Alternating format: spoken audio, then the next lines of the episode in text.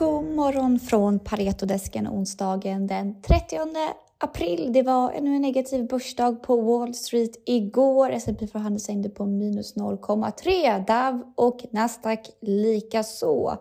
Vi har ju flera orosmoment i marknaden just nu, både Ukraina-kriget, högre inflation som vi kommer in på alldeles strax, stigande energipriser och nu rapportsäsongen som drar igång i eh, USA idag med bankerna först ut som vanligt. Inflation alltså. Vi fick ju KPI från USA igår. Hur var den siffran? Jo, den var rekordhög och högsta sedan 80-talet. Inflationstakten på årsbasis steg i mars till 8,5 procent från februarisiffran på 7,9 procent. På månadsbasis var inflationen 1,2 procent jämfört med februari.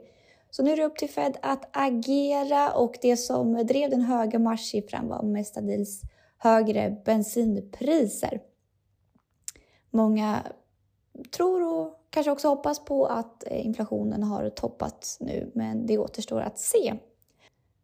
Stockholmsbörsen gick mot strömmen igår och stängde på plus. Och och eh, på Pareto idag har vi bland annat pratat Electrolux Professional inför Q1-rapporten som kommer den 27 april. Och vi tycker att man kan avvakta lite med den här aktien.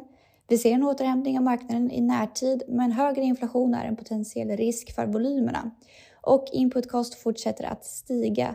Så idag trimmar vi till estimaten och anser att det är lite för låg risk-reward just nu.